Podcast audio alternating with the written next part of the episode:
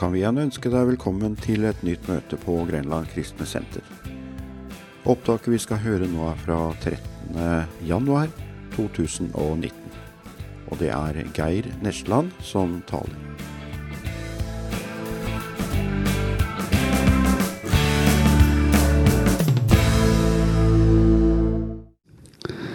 Ja, jeg har vært veldig spent på dette møtet her.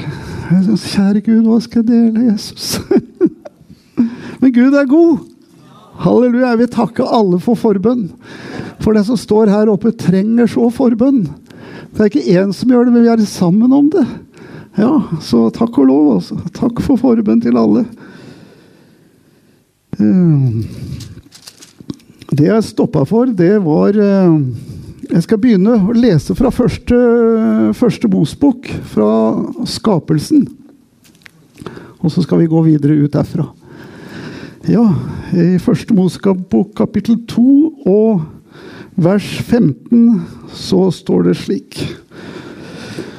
Herre, jeg takker deg for at ditt ord er levende Gud, jeg takker deg for at ditt ord er evig. Du taler fra evigheten av. Du åpenbarer for oss gjennom ordet hva dine tanker er, Herre, med verden, med oss, Herre. Nå ber jeg, Hellige Ånd, at du vil velsigne ordet ditt for hvert av våre hjerter. Åpenbar det for oss. Gi meg nåde, Jesus, og hjelp, slik at jeg kan tale slik du vil det, Herre. Du dekker meg med ditt blod og gi meg din nåde. I Jesu navn. Amen. Amen. Ja, det står der i eh, Første Mosbok 2,15. Det er da helt tilbake i begynnelsen, da Gud hadde skapt alle ting. Så står det så tok Herren Gud Adam og satte ham i Edens hage, så han kunne dyrke den og ta vare på den. Herren Gud bød Adam og sa, av hvert tre i hagen kan du fritt ete, men av treet til kunnskap om godt og ondt skal du ikke ete, for på den dagen du eter av det, skal du sannelig dø. Adam ble skapt i Guds bilde. Og når Gud forma Adam og så han, så blei han så glad!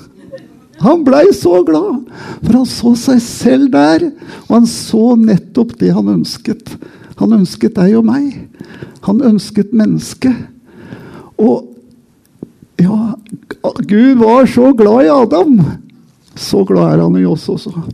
Men han forma Adam i sitt bilde, og så han der, så skjønn, så herlig. Og Adam han blei satt inn i haven. Når Gud skapte haven og alt som var der, så står det at uh, han så hver gang han skapte det, så, han at, uh, så sa han til seg sjøl Dette var godt. Det var såre godt.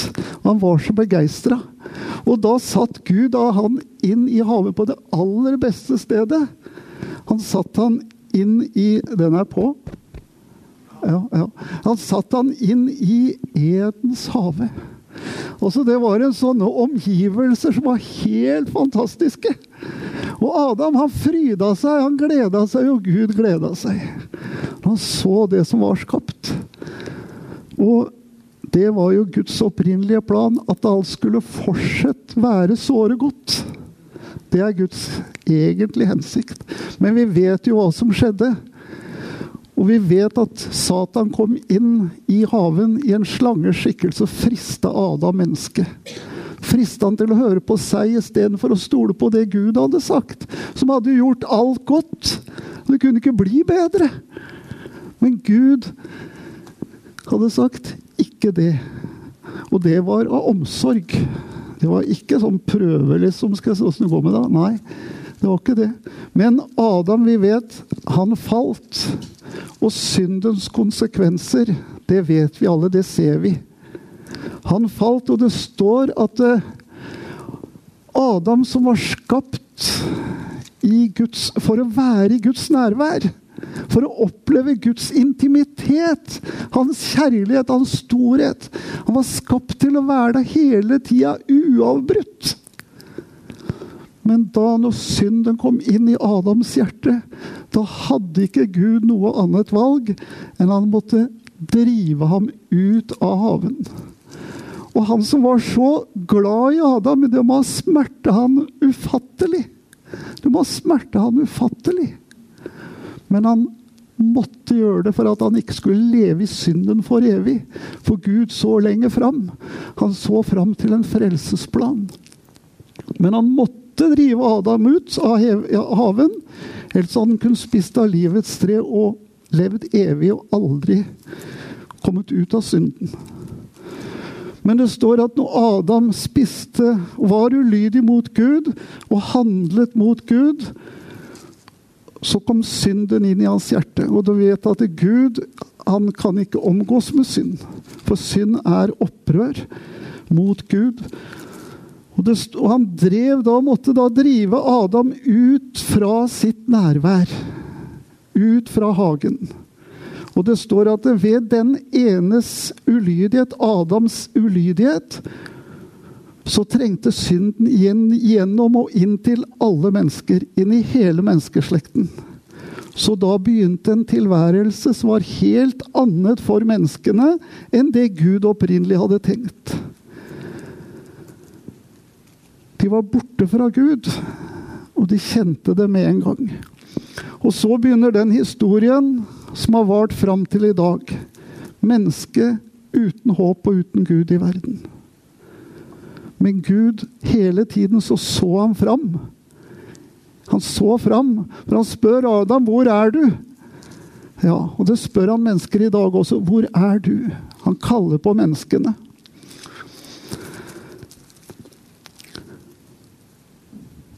Men det, det, det smerta Gud ufattelig. Og allerede bare etter første slektslede, så ser vi hvordan syndens konsekvenser er. Det første, første brødreparet gjør, det er at de blir misunnelige på hverandre. Og Kain får onde tanker og dreper sin bror. Det var det første blod som ble utgitt på jorda. Og hvem vet uten Gud hvor mange liter blod det er utøst på jorden gjennom slektene? Det er ufattelig mye. Syndens konsekvenser er uhørvelig forferdelige. Og Det står faktisk slik da i, Når det hadde gått noen slektsledd, så står det slik at det, I Første Mosbok 6 så står det Gud så menneskene, og da står det der i vers 5 Da så Herren at menneskets ondskap var stor på jorden, og at hver hensikt i hans hjertes tanker bare var onde hele dagen.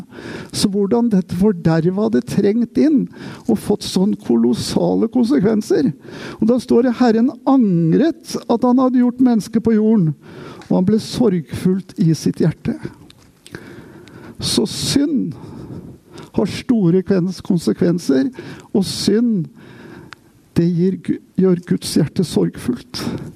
Men Gud være takk til så han angra mennesker. Han sier til og med at han ville utslette dem. Men det var en, en mann, Noah, som Gud så, så han fikk miskunnhet. Noah fikk miskunnhet. Men allikevel så måtte Gud sende syndefloden vannflommen for å utslette synden, mens den ene familien, Noah, han, han ble berga. Og arken er jo et, et forbilde på den frelsen som fins for den som tar sin tilflukt til Jesus. Men vi, vi, får, vi ser at, det, at det synd, det skaper forderv. Og mennesket Den ene familien ble berga. Men det forandra ikke menneskehjertet. Det forandra ikke menneskenaturen. For selv om Noah ble berga, så var han kjød. Han var kjødelig. Han hadde syndenaturen i seg, selv om han trodde på Gud. Så han førte det videre i slekten. Så når de gikk ut arken, så oppsto etter hvert akkurat det samme. Det samme oppsto. Og hvis vi går inn i gå fram i Bibelen litt, til Salmenes bok. David levde, han levde 1000 år før Jesus, cirka. Og da står han Eller det er jo Ja.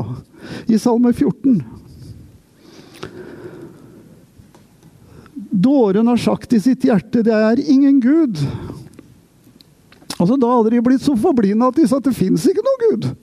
Det fins ingen Gud. Altså, De var helt formørka, totalt forblinda. Altså, de forsto ingenting. Og Sånn er det i dag også. I en vi kaller opplyst verden så sier de fins ingen Gud. Nei. Men det er syndens og mørkets forblindelse. Og så står det da de er fordervet og har gjort avskyelige gjerninger. Det er ingen som gjør godt. Fra himmelen skuer Herren ned på menneskenes barn for å se om det er noen som har forstand, noen som søker Gud. De er alle veket av, sammen er de blitt fordervet. Det er ingen som gjør godt, nei, ikke en eneste en. Det er, det er sånn menneskeheten er. Det er sånn i dag òg. Det er sånn i dag òg.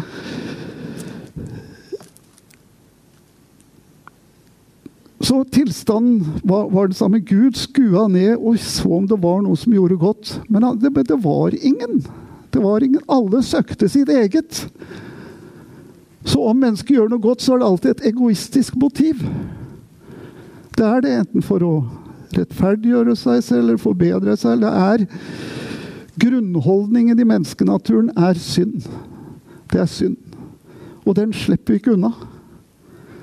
Men takk og lov, halleluja, at ikke det stopper der. For da har det vært fortvila. Uten håp og uten Gud i verden. Det er ingen sjans. Det er ingen sjans. Jeg leste romerbrevet her forleden. Jeg leste det på et møte at det, eller når vi hadde nadverd, at det, kjødets natur, menneskenaturen, er ikke i stand til å bøye seg for Gud. Den bøyer seg ikke for Gud og har ikke evne til det. Også vår medfødte menneskelige natur, som du og jeg hadde når vi kom inn i verden, har ikke mulighet, ingen sjanse til å bøye seg for Gud, til å ta imot det som er av Gud. Fullstendig hjelpeløse. Men takk og lov. Halleluja. Det du må gå til Nytestament, for det var det gamle. Så går ut Nytestamentet, og så leser vi i Romerne. For det var tilstand, og er tilstand med menneskene. Men selv om situasjonen er så fullstendig håpløs, så har ikke Gud gitt opp menneskene. Nei. Han utrydda dem ikke på Noas tid, for han tenkte nei, jeg kan ikke gjøre det. Han elsket oss så. Selv om vi var så for, menneskeslekten var så forderva, så, så ga ikke Gud opp. Men han hadde en løsning. Han hadde en løsning. Og hvis vi leser i Romerbrevet kapittel 5, så står det For da vi ennå var skrøpelige, døde Kristus til fastsatt tid for ugudelige. For neppe er det noen som vil dø for en rettferdig. Skjønt for en som er god, vil kanskje noen våge å dø. Men Gud viser sin kjærlighet til oss ved at Kristus døde for oss mens vi ennå var syndere. Halleluja. Så Gud i Edens hage når han måtte vise Adam og Eva ut av paradis, så hadde Gud en frelsesplan. Og han viste det med en gang. Han slakta et uskyldig lam, en, et dyr, for å kle Adam og Eva med de klærne. Det var et liv som ble gitt for deres liv. Det var et blod som ble utøst til redning for dem. Og han kledde dem og dekket dem, deres nakenhet, med dette. Med, med, med lammets, lammets, hud. Altså med, med de klærne han skapte av den. Så Gud, han viste menneskene at det, det fins en vei, og det kommer en løsning. Og så begynte frelseshistorien gjennom Gamletestamentet. Kan vi se hvordan Gud taler? Jeg skal ikke komme inn på det. Men gjennom Bibelen så ser vi det at det utfolder seg en frelsesplan for menneskene. Først gjennom Israels historie, og så når Jesus kommer.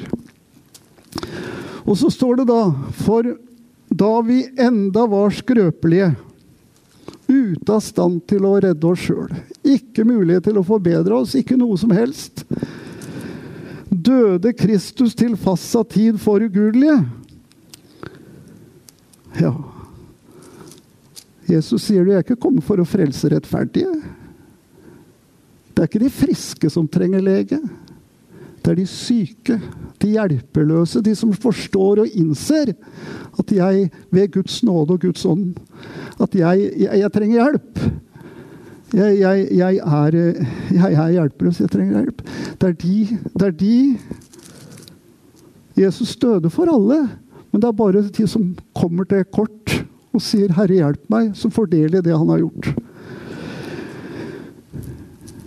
Men Gud viser sin kjærlighet til oss ved, oss til, ved at Kristus døde for oss mens vi enda var syndere. Halleluja.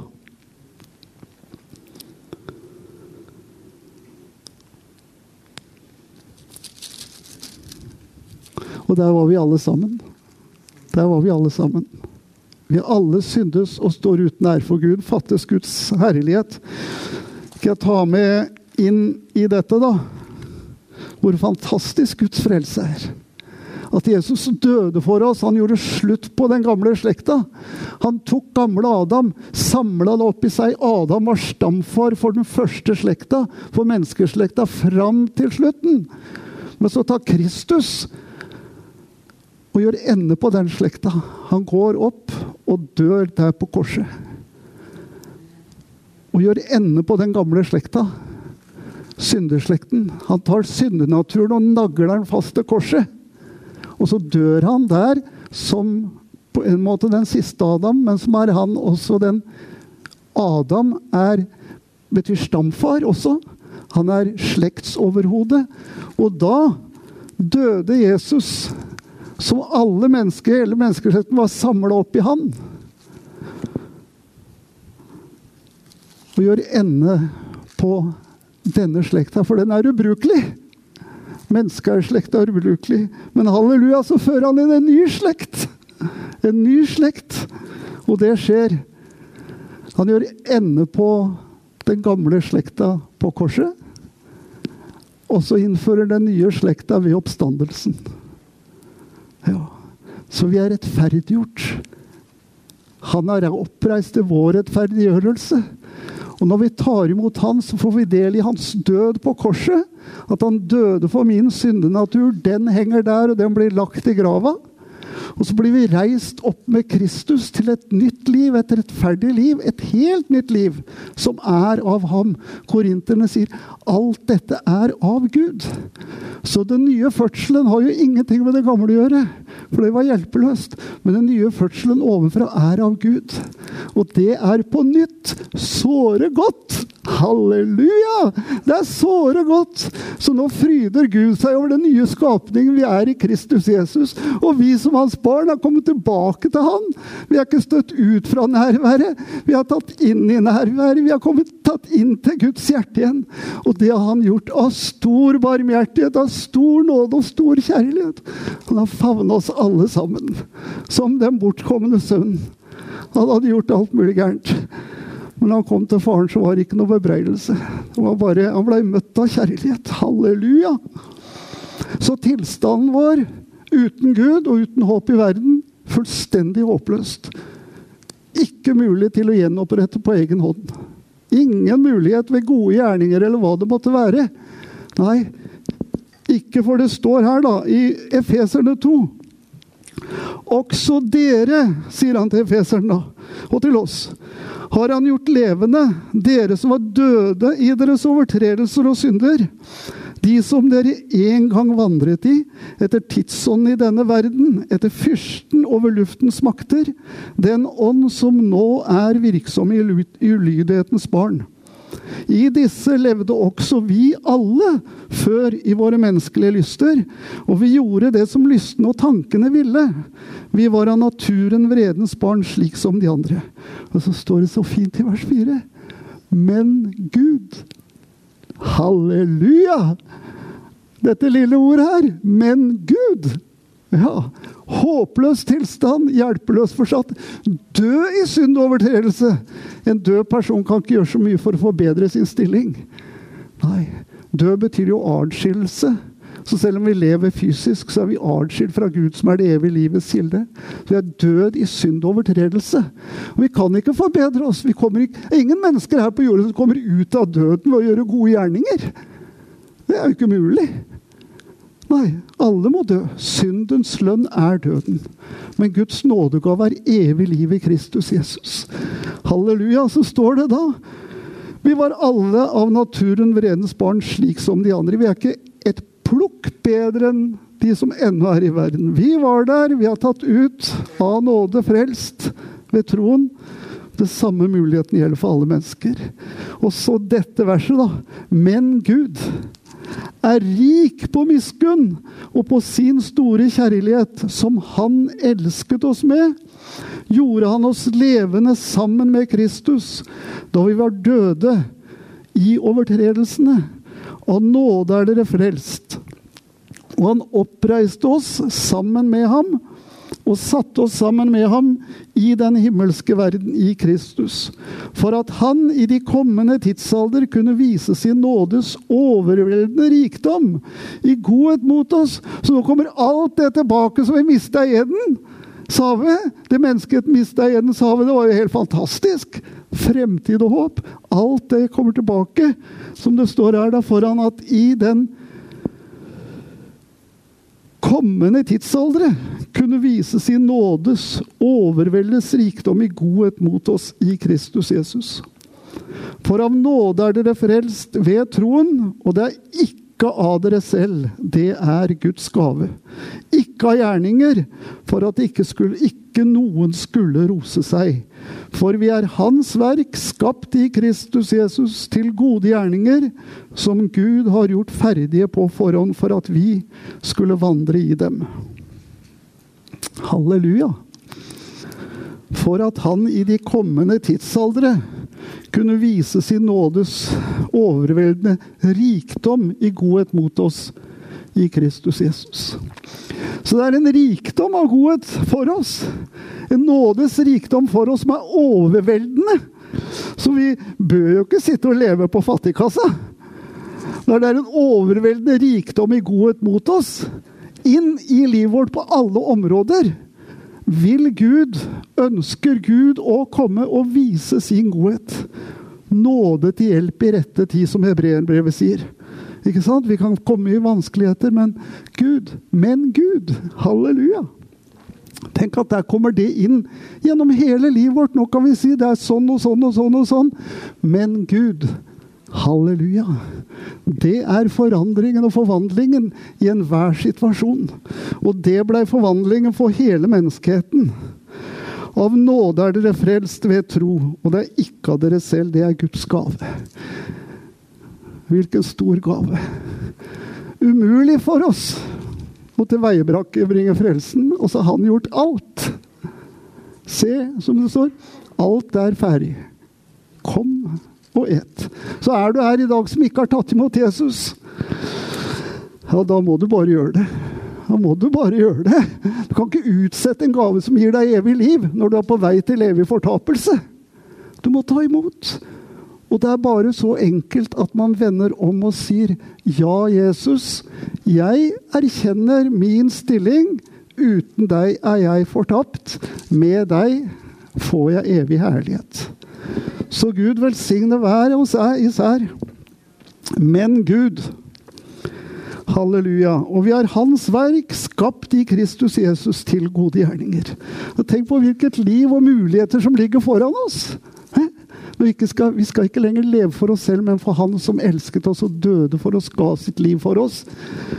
Så vi skapte gode gjerninger, så ligger veldig muligheter i det. altså. Det ligger alle muligheter. Det ligger det meningsfulle livet som vi er tiltenkt fra skapelsen av, og som Gud har for oss i hverdagen i dag og i tida så lenge vi er her nede. Så, så, så er, det, så er det, det er veldig Jeg må si, kjære Skal jo våkne opp som Kjære Gud, hva i dag, en ny dag? Hva, hva, hva vil du i dag? Hvilke gjerninger? Hva kan jeg gjøre? Hva, eller hvor ja, Det er bare det at det, Jesus, ja. Jeg vil gå på din vei. Led meg. Led meg, Herre. For vi er Hans verk, skapt i Kristus Jesus til gode gjerninger. Jeg skal bare ta med et vers også fra Romerbrevet, kapittel 6. Som også sier, da, eh, om det samme. Men Gud være takk, selv om dere har vært slaver under synden, er dere nå av hjertet blitt lydige mot den lærdomsform som dere ble overgitt til. Og etter at dere ble satt fri fra synden, ble dere tjenere for rettferdigheten. Halleluja.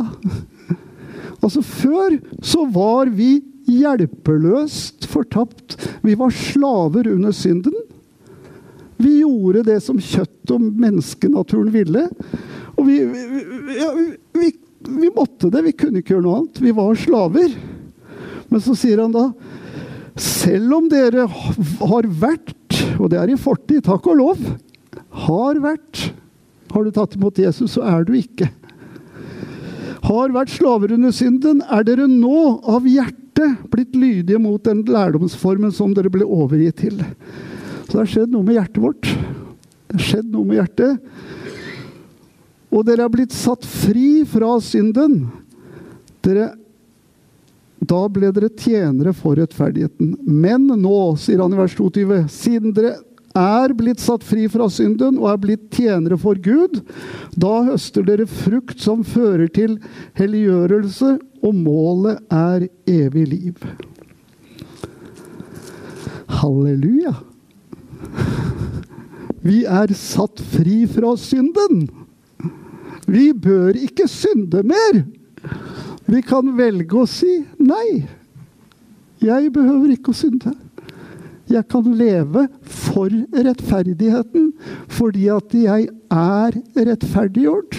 Jeg er tatt ut av døden og satt inn i livet fra Satans makt til Gud. Fra mørke til lys. Vi er ikke slaver under synden lenger. Vi er satt fri til å tjene Gud. Leve for rettferdigheten. Det er bare så herlig. Halleluja! Halleluja! Jeg kommer til å tenke på eh, gamlepastoren min Eriks tok et bilde en gang. Og det var en elefant. Sirkuselefant. Du vet, De er svære, de er kraftige, men de, har, de er, må jo holdes i, i bånd. Så de har en sånn lenke rundt foten sin med svær, tjukk setting. Så fra den elefanten er liten, så går han med den kjettingen, og så går han så langt ut, og så uh, Lenger kommer den ikke. Nei. Så det er liksom området den kan bevege seg på. Den kommer dit, og så ikke lenger. Og som et bilde da, på frigjørelse fra synd Så noen ganger kan vi oppleve det sånn. da. Fordi at ikke vi helt forstår hva som har skjedd. Det skjedde at den, en, en elefant, hvis den blir frigjort fra lenka, fra syndens bånd, for å si det Når den blir fri, Så går den så langt, fire skritt, stopper den. Går den tilbake. Nå har han frihet til å gå bare videre, for lenka er brutt. Men det ligger inni i, uh, i huet på han at det kan ikke gå lenger. Det kan ikke gå lenger. Det er ikke så godt å hviske inn i en elefants øre da, at du er fri. Du er fri. Det er ikke så godt. Men det taler ånden til deg og meg. Vi er frie. Vi behøver ikke å synde lenger. Halleluja! Så Gud være takk også. Vi er blitt tjenere for rettferdigheten. Ja eh, Skal vi se mm -hmm. Frie fra synd, og dere er blitt tjenere for Gud. Da høster dere frukt som fører til helliggjørelse, og målet er evig liv. Halleluja. Så dette, dette ordet her Men Gud. Men Gud, det forandrer alt. Mm? Mennesket Tausheten. Syndere fortapt. Og så er det Men Gud sendte sin sønn. Men Gud, i sin store miskunnhet jeg må, jeg må ta med et eh, Jeg skal snart avrunde. Men ikke helt. Ikke helt. Uh, ja. Halleluja. Gud er overraskelsens gud. Og hans menn forandrer enhver situasjon. Når Gud kommer inn på banen, så, så skjer det noe uventa. Og det gjorde det den dagen Jesus døde og ble lagt i graven. Og på påskemorgen, når kvinnene kom, når kvinnene kom til Når kvinnene kom til graven, Maria og de to som var der, da gikk de til graven, sorgtynga, for å ære og hedre sin døde mester. For å ære og hedre Jesus. Og de gikk der til graven. Han var borte. Han var, han var død. Men så kommer de der, der, til graven, og så møter de en engel som sier han er ikke her. Se, han er oppstått. Han lever. Og det var Guds store menn til menneskeheten. Døden hadde ingen makt over Jesus. Den kunne ikke holde han igjen. Så Guds store makt, når fienden tenkte at nå er det slutt på han, nå har jeg gjort det Nei, så var det Guds menn. Halleluja. Han har alltid noe i bakhånda, for å si det sånn. Han har alltid noe som han drar fram. Sett din lit til Herren, stol på Han, og Han skal gjøre det. Men Guds menn, uansett hvor din og min situasjon, hvordan den er Men Gud er mektig til å gjøre alt langt utover hva vi forstår og ber ham. Etter den kraft som er virksomt i oss, for oss som tror. Guds menn. Så da da blei kvinnenes liv og verden helt snudd opp ned. De gikk der sorgtunge, og så kom de tilbake. Hva? Hva har skjedd? Du, det Guds menn snudde opp ned på hele verdenshistorien og hele menneskeslekten, fikk et nytt håp. Et nytt håp som Gud brakte inn. Og så, halleluja, så kom de én etter én, og så opplevde hva Guds menn betyr i sine liv. Bare skal jeg ta bare helt til slutt nå ta med noen få. Maria Magdalena var den første Jesus møtte etter oppstandelsen. Du, det var ingen som hadde regna med Maria Magdalena. At uh, hun var utvalgt av Gud til et sannhetsvitne for de andre til å fortelle at uh, han lever. Han er ikke i graven. Jeg har møtt han levende. Og så Rabuni, sa han.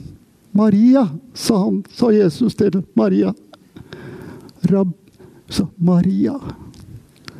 Og det var aldri noen som hadde sagt eller kunne si hennes navn som Jesus sa det. Maria. Og hun kjente igjen stemmen. Det smelta hans hjerte. Hennes hjerte. Der sto han. Hun var den som Jesus valgte. En kvinne som hadde vært prostituert. Ikke med aller beste rykte. Men Jesus valgte henne til å være den første til å fortelle om oppstandelsen. Vi snakker om at kristendommen er kvinneundertrykkende. Du, Kvinne hadde ikke rett til å være vitne, sannhetsvitne, i en rettssak på den tida i Israel. Men Jesus valgte henne, og han løfter i sannhet kvinnen opp også. Ja, det er sant. Så det var Maria. Det var Guds menn med Maria. Jeg har noe for deg! Ja, kjære Jesus, det har han for oss alle. Halleluja. Ja, Og så var det Peter. Jesus møtte han. Og så var det Matteus, som Jesus hadde valgt ut. Og tenk det, Matteus, en toller som ingen ville ha noe særlig med å gjøre. Han var en landsforræder fordi han jobba for romerne. Det var ikke helt Det var ikke så mange som liksom ville være i det selskapet. Og han var en pengekrever som tok for mye. Men Gud så noe helt annet i Matteus enn det menneskene hadde sett. Fordi at Gud regner med sin livsforvandlende kraft gjennom evangeliet. Så Matteus ble valgt ut til å skrive første evangeliet i Det nye testamentet. Ja, tenk det. Han, han, han, var ikke så veldig betrodd av menneskene rundt den, men han var betrodd av Gud. Fordi at Gud fikk hele hans hjerte. Og når han får hele ditt og mitt hjerte, da kan Gud betro oss sine skatter, sine oppdrag. Da kan Gud betro oss og bruke oss. Han betrodde Matteus å skrive evangeliet, det første i Nytestamentet. Halleluja! Det er Guds menn. Altså menn med én en, da. Guds menn. Og til slutt uh, Paulus. En forfølger av menigheten. En som hata de kristne. Han trodde han gjorde Gud en tjeneste. Men Gud hadde andre tanker og planer med Paulus enn Paulus sjøl hadde. Takk og lov for det. Halleluja. Så det er på Damaskusveien som overrasker han Paulus. og møter Paulus i en situasjon hvor hjertet er så hardt og fylt av sinne og harme mot de kristne. Kan du skjønne? Kan du skjønne at det der fullt av 'Nå skal jeg drepe nå skal jeg ta dem'? Ja, Gud bryr seg ikke om det, han. Nei, han bare sier 'Hvem er du, Herre?' Gud griper inn, altså. I et menneskes situasjon som er så ubeskrivelig Ingen hadde regna med det. Ingen hadde regna med det, ikke de kristne som var i Damaskus heller. For når han kommer, så ville de jo ikke ha noe med for de var redde for den. Men Gud Halleluja. Hvordan Guds menn tar et liv ut fra den situasjonen det er i, og forvandler det og setter det inn i sin tanke, plan og hensikt. Og mest av alt overvelder menneskehjertet til hvem den er, med en sånn kjærlighet at det smelter ned og blir helt annerledes. For å være fylt av hat, så blir han fylt med Guds kjærlighet. Og det er bare Gud som kan. Det er bare Gud som kan. Og Paulus leste jeg nå Paulus til slutt Paulus skriver sitt eget vitnesbyrd til Timoteus i 1. Timoteus brev 1,12. Lese de versene der. Og det er da han. Og jeg takker ham som gjorde meg sterk, Kristus Jesus vår Herre, fordi han har holdt meg for å være trofast og satt meg inn i tjenesten. Jeg som tidligere var en spotter, en forfølger og en voldsmann. Men jeg fikk miskunn fordi jeg var uvitende og gjorde det i vantro. Og desto mer overstrømmende ble Vår Herres nåde med den tro og kjærlighet som er i Kristus Jesus. Desto mer overblendende. Når han var i den situasjonen og levde et sånt liv at han forfølgte de kristne, han drepte de kristne, han hadde blod på hendene, og han hadde hat i hjertet. Og så overvelder Guds kjærlighet han. Var det fortjent? Nei, det var ufortjent. Og sånn er det for alle mennesker. Det er ufortjent, men Gud i sin godhet. Så sier han det er et troverdig ord og fullt verdt å motta at Kristus Jesus kom inn i verden for å frelse syndere, og blant dem er jeg den største. Men av denne grunn fikk jeg miskunn for at Jesus Kristus først kunne vise all tålmodighet på meg som et forbilde for dem som skal komme til tro på ham til evig liv. Halleluja. Han er et forbilde. Når Gud kunne vise miskunnhet mot en mann som Paulus var full av hat og fnyste av vold, og drepte de kristne, så valgte Gud han som et forbilde. Se hvor stor min nåde er. Hva har du gjort i ditt liv som ikke min nåde og kjærlighet kan dekke? Hva har du gjort som ikke Golgata-verket har skjult? Hva har du gjort og kan gjøre som gjør at jeg tar avstand fra deg? Jeg elsker deg med en evig kjærlighet, er Guds ord til ethvert menneske. Og uansett hvor fortvilet situasjonen er, hvor vanskelig, hvor tøft det kan være, og hva en kan synes om seg selv, så syns ikke Gud sånn om deg som kanskje du og jeg syns om oss selv noen ganger. Han gjør ikke det. Nei, han ser mitt elskede barn.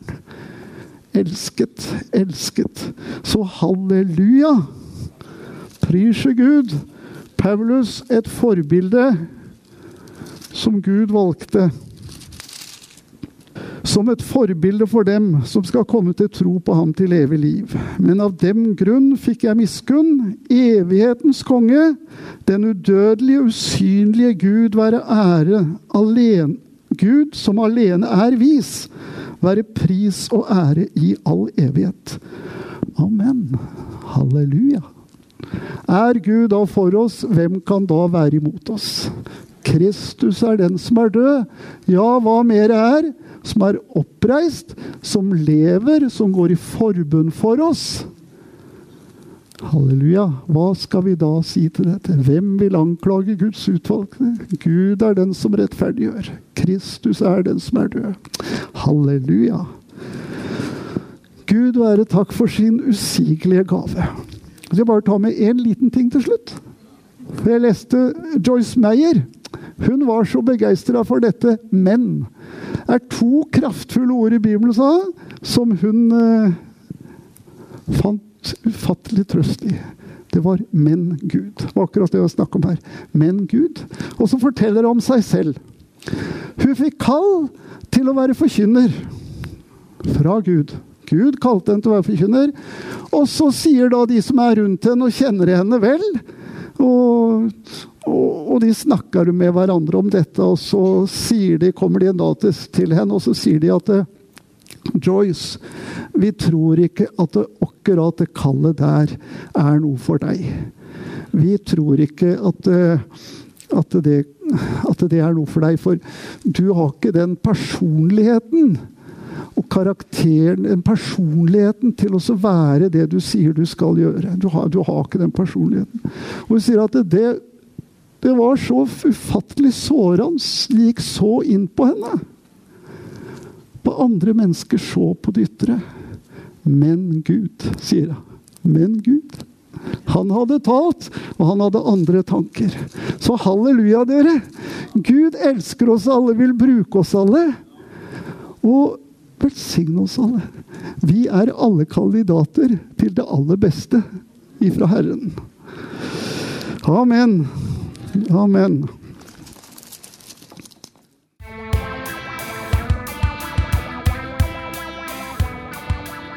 Da var vi i land med enda et møte fra Grenland kristne senter her på Himmelradioen. Hvis du likte det du hørte, så må du bare anbefale det for andre og komme tilbake. Ellers, hvis du har lyst til å støtte oss i arbeidet vårt, så kan du vippse til eh, Grenland kristne senter. Og nummeret er 1289 78. 1289 78. Så håper jeg vi ses.